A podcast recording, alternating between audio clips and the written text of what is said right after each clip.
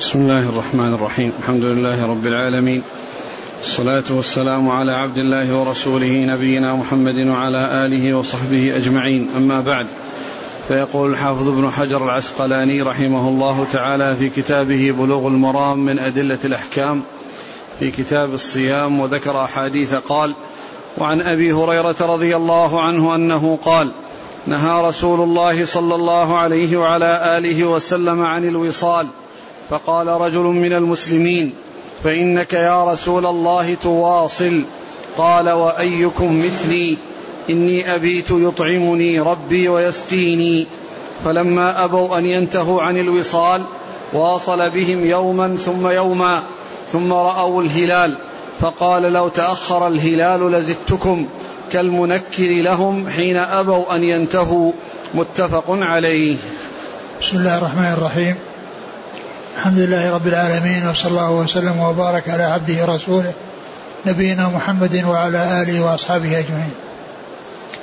ما بعد فهذا الحديث حديث أبي هريرة رضي الله عنه هو من جملة الأحاديث التي أوردها الحافظ بن حجر في كتاب الصيام من كتابه بلوغ المرام وهو يتعلق بالوصال لما ذكر فيما مضى أن تعجيل الإفطار هو السنة وأن الرسول عليه الصلاة والسلام رغب فيه ذكر بعده الوصال.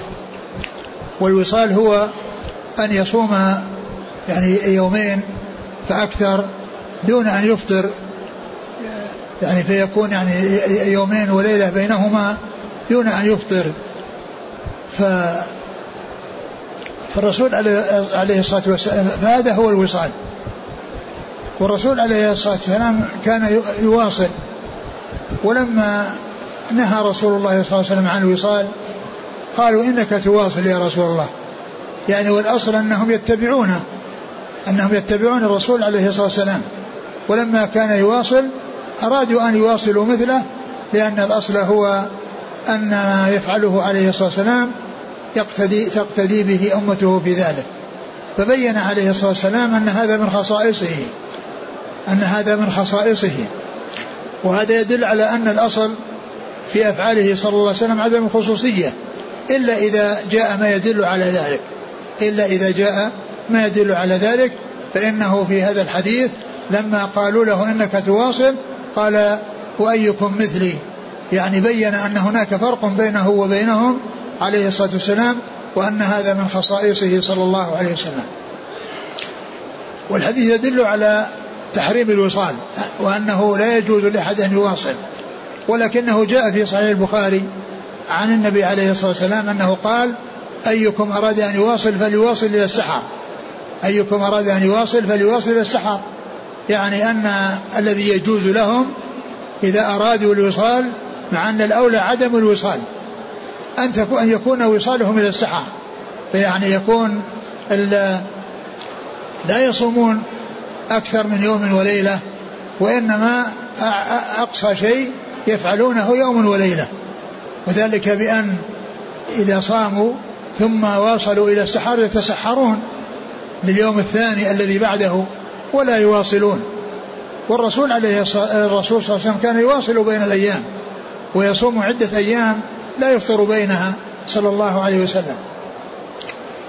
فالرسول عليه الصلاة والسلام نهى عن الوصال في قوله لا في, في, في قول أبي هريرة نهى الرسول صلى الله عليه وسلم عن الوصال والأصل أن ذلك للتحريم وإنما وإنما آه، بين ذلك عليه الصلاة والسلام ونهى عنه لأن لرفقه بأمته وعدم المشقة عليها وحرصه على آه، دفع ومنعها من أي شيء يعود عليها بالضرر. وقد قال الله عز وجل عن نبيه عليه الصلاة والسلام فقد جاءكم رسول من أنفسكم عزيز عليه ما عنتم حريص عليكم بالمؤمنين رؤوف رحيم صلوات الله وسلامه وبركاته عليه. وفي قوله آه، في نهيه عن الوصال آه، وإرشاده إلى أن من أراد أن يواصل فليواصل إلى السحر دليل على أن معنى قوله صلى الله عليه وسلم إذا أدبر الليل من ها هنا إذا أقبل أدبر النهار من ها هنا وأقبل الليل من ها هنا فقد أفطر الصائم. أن معنى أفطر الصائم يعني دخل وقت الإفطار. وليس معنى ذلك أنه حصل الإفطار لأن الرسول أرشد إلى الوصال إلى السحر. ولو كان أن معنى قوله أفطر الصائم أنه وجد منه الإفطار يعني ما كان هناك وصال إلى السحر. ما كان هناك وصال إلى السحر. وبين عليه الصلاة والسلام الفرق بينه وبينه وأنه يبيت عند ربه يطعيه يطعمه ويسقيه. ومعنى ذلك أن الله يعطيه من القوة ومن ما يتمكن به من الوصال. بخلاف آه، أمته عليه الصلاة والسلام فإنها لا تقدر على ما يقدر عليه. لا تقدر على ما يقدر عليه لأن الله تعالى أعطاه ما لم يعطي ما لم يعطي أمته صلوات الله وسلامه وبركاته عليه فيكون ذلك من من خصائصه. نهى رسول الله صلى الله عليه وسلم قالوا فإنك تواصل يا رسول الله. فقال رجل من المسلمين فإنك تواصل يا رسول الله. قال وأيكم مثلي؟ أني أبيت يطعمني ربي ويسقيني. ثم إنه ثم إنه قال فلما أبوا أن ينتهوا عن الوصال واصل بهم يوما ثم يوما. لما رأى حرصهم لما رأى حرصهم على الوصال أراد أن يبين لهم أن في ذلك المشقة عليهم ف يعني يكون يتضح ذلك لهم بالفعل. فواصل بهم يوما ثم يوما ثم رأوا الهلال. قال لو تأخر شهر لزدتكم يعني كالمنكل لهم. وهذا يدل على أن هذا الصيام ليس المقصود به آه، جواز الصيام. وجواز الوصال وإنما هذا كما جاء في الحديث تنكيل يعني حتى يقفوا على الحقيقة يقفوا على الحقيقة وأنهم يعني وأن فيه المشقة عليهم وأن ما وأن شرع لهم من ترك الوصال هذا هو الذي فيه المصلحة وفيه الفائدة لهم. فلا يستفاد يعني من كون الرسول واصل بهم يعني يومين أن ذلك دليل على جواز الوصال. لأنه جاء في الحديث في آخره كالمنكل لهم يعني أن هذا ليس تسويغ للصيام الوصال لهم ولا آه، إباحة للوصال آه، لهم وإنما هو تنكيل لهم ليقفوا على المضرة وعلى المشقة وأن الذي اختير لهم هو ما فيه مصلحتهم وفيه فائدتهم.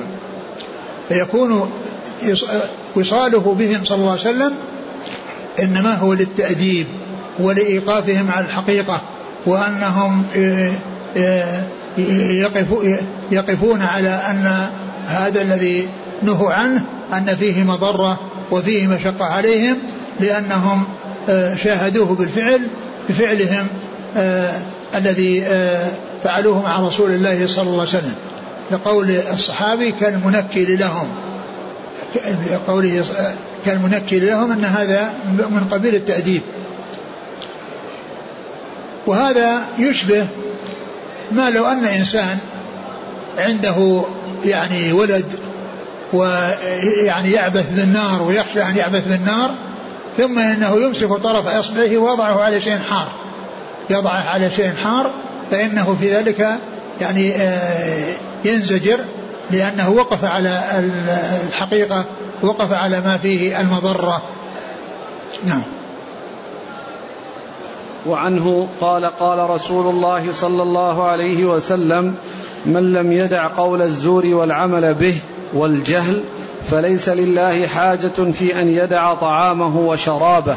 رواه البخاري وأبو داود واللفظ له. ثم ذكر هذا الحديث الذي فيه أن الصائم يبتعد عن اللغو ويبتعد عن قول الزور عن الكذب والسفه الذي هو الجهل ويكون في صيامه على آه، أخلاق حميدة وعلى صفات طيبة ولا يقع في أمور محرمة كالكذب والزور وقول الزور وكذلك السفه الذي هو الجهل. وإنما يكون على أحسن حال من حسن الأدب وحسن الكلام وحفظ اللسان من الغيبة والنميمة وقول الزور وغير ذلك. ومن حصل منه ذلك فإنه لا يقال إنه بطل صيامه وأنه حصل منه الإفطار وإنما أتى بأسباب آه، تذهب أجره أو تنقص أجره وإلا فإن من صام وحصل منه لغو أو حصل منه كلام لا يقال أنه بطل صومه وأن عليه أن يقضيه. لأن القضاء إنما يكون في في, الأكل والشرب. كما كما عرفنا فيما مضى أن أن تعريف الصيام في الشرع الإمساك عن الأكل والشرب وسائر المفطرات من طلوع الفجر إلى غروب الشمس. وأما مثل هذه الأمور التي فيها كذب وفيها فإن الصيام لا يبطل بها ولكنه ينقص أجره ويحصل له العقوبة والجزاء على يعني على على الكذب وعلى الغيبة والنميمة والأشياء المحرمة التي كان يتعاطاها. وهذه ممنوعة في جميع الأوقات. ليس في حال الصيام ولكنه يزداد الأمر سوءا إذا حصل ذلك في حال الصيام. يعني لشرف الزمان إذا حصل في شرف في حال الصيام في شرف الزمان وكذلك في شرف المكان لأن السيئات في آه، في المكان الفاضل وفي الزمان الفاضل يعني خطرها عظيم. وكما أن الحسنات في الزمان الفاضل والمكان الفاضل يعني شؤنها عظيم فكذلك السيئات خطرها كبير. ف فليس المقصود من ذلك أن هذا ممنوع في حال الصيام بل هو ممنوع في حال الصيام وغير الصيام ولكن الأمر يزداد في آه، آه، خطورة في في حال الصيام. وقوله ليس لله حاجة في أن يدع طعامه وشرابه. الله عز وجل غني عن الناس وغني عن العباد. لا تنفعه طاعة المطيعين ولا تضره معاصي العاصين بل هو النافع الضار سبحانه وتعالى. فالعباد إذا أحسنوا فلهم. وإذا أساءوا فعليهم. ولا يحصل لله عز وجل بطاعتهم يعني شيء يعود إليه وإنما الخير يعود عليهم والإساءة تعود يعود ضررها عليهم. فقوله ليس لله حاجة يعني معنى ذلك أنه كأنه ما ما أدى الشيء الذي عليه ولا قام بالشيء الواجب عليه. وليس معنى ذلك أن الإنسان إذا صام يكون لله حاجة في صيامه. فالله تعالى غني عن العباد غني عن الناس لا تنفعه طاعات المطيعين ولا تضره معاصي العاصين سبحانه وتعالى. نعم. وعن عائشة رضي الله عنها أنها قالت كان رسول الله صلى الله عليه وعلى آله وسلم يقبل وهو صائم ويباشر وهو صائم ولكنه أملككم لإربه متفق عليه. واللفظ لمسلم وزاد في رواية في رمضان. ثم ذكر هذا الحديث عن عائشة أن النبي صلى الله عليه وسلم كان يقبل وهو صائم ويباشر وهو صائم يعني يباشر يعني يحصل منه الملامسة مس الجسد الجسد والبشرة البشرة. يعني آآ آآ تقبيل يعني كان يقبل وكان يباشر يعني يمس يعني جسده جسد أهله عليه الصلاة والسلام. هذه هي المباشرة. هذه المباشرة فكان يقبل ويباشر وهو صائم. ولكنه كان أملكهم لإربه يعني لحاجته يعني يملك نفسه بخلاف غيره فإنه قد ينجر إلى أن يقع في أمر لا يسوغ وهو الجماع أو أو الإنزال ثوران الشهوة والإنزال يعني مع ذلك. ف وهذا يدل على أن التقبيل والمماسة يعني أنها لا تؤثر ولكن إذا كان سيترتب عليها مضرة بأن تثور الشهوة على الإنسان وقد يقدم على أمر لا يسوغ فإنه يبتعد عن ذلك. وقد بينت عائشة رضي الله عنها أنه مع هذا كان أملكهم لإربه يعني لحاجته ويعني حاجته إلى النساء فإنه كان أملكهم فلا يحصل منه آه، شيء يعني لا ينبغي وأما غيره قد يحصل منه شيء لا ينبغي. قد لا يحصل قد يحصل منه قد لا يحصل منه شيء وقد يحصل منه شيء غيره صلى الله عليه وسلم. فهذا يدل على الجواز ولكن من يخشى على نفسه فإن من الخير له الابتعاد حتى لا يعرض نفسه للوقوع في أمر محرم الذي هو فساد صومه أو حصول وجوب الكفارة عليه إذا جامع في الفرج فإنه تجب عليه الكفارة التي هي عتق رقبة فإن لم يستطع يصوم شهرين متتابعين فإن لم يستطع يطعم ستين مسكينا كما جاءت بذلك السنة عن رسول الله صلى الله عليه وسلم. نعم. كان يقبل وهو صائم ويباشر وهو صائم. نعم. يباشر مباشرة مماسة الجسد الجسد يعني كون جسده يلتصق بجسد المرأة. يعني مثل مثل ما كان عليه الصلاة والسلام يعني المرأة يباشرها وهو صائم يعني معناه إذا كانت حائض يعني يمس جسد جسدها ويعني فإن ذلك آه، سائر ولكن يبتعد عن أي شيء يثير الشهوة ويحرك الشهوة ويترتب عليه آه، إفساد الصيام سواء إفساده بإنزال ويقضيه أو إفساده بجماع ثم يقضيه ويترتب عليه الكفارة التي هي العتق أو صيام الشهرين أو إطعام ستين على الترتيب لا على التخيير نعم. وعن ابن عباس رضي الله عنهما أن النبي صلى الله عليه وعلى آله وسلم احتجم وهو محرم واحتجم وهو صائم. رواه البخاري. ثم ذكر اقرا لي بعده.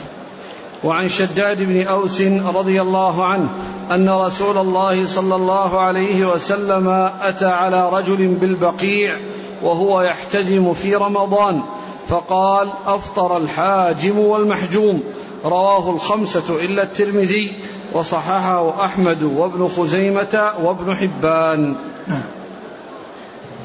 نعم. وعن أنس بن مالك رضي الله عنه أنه قال أول ما كرهت الحجامة للصائم أن جعفر بن أبي طالب رضي الله عنه احتجم وهو صائم فمر به النبي صلى الله عليه وسلم فقال أفطر هذان. ثم رخص النبي صلى الله عليه وسلم بعد في الحجامة للصائم وكان أنس يحتجم وهو صائم. رواه الدار قطني وقواه. ثم ذكر هذه الأحاديث المتعلقة بالحجامة في حال الصيام وفي حال الإحرام. ففي حال الإحرام ثبت ثبت الحجامة في حال الإحرام. وفي حال الصيام يعني فيها خلاف. يعني بعضها الحديث يدل على أن أنه يعني احتجم وهو صائم وبعضها يدل على النهي عن الحجامة. وعلى أنه إذا وجدت على وبعضها يدل على أن الحجامة إذا حصلت أنه يحصل بها الإفطار من الحاجم والمحجوم من الحاجم والمحجوم. ومن العلماء من رجح القول بجواز الحجامة وأنها لا تفطر ومنهم من قال إنها تفطر والذين قالوا بال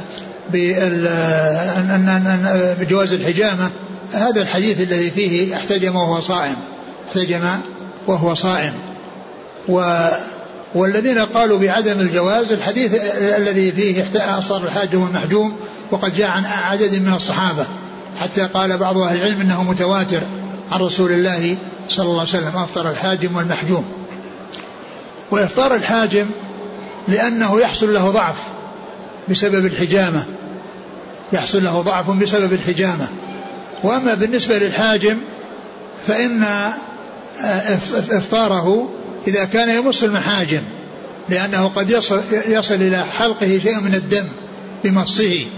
أما إذا كان الحجامة ليست بمص وأنه لا يدخل شيء فمه يعني مص المحاجم فإن هذا لا يحصل به الإفطار.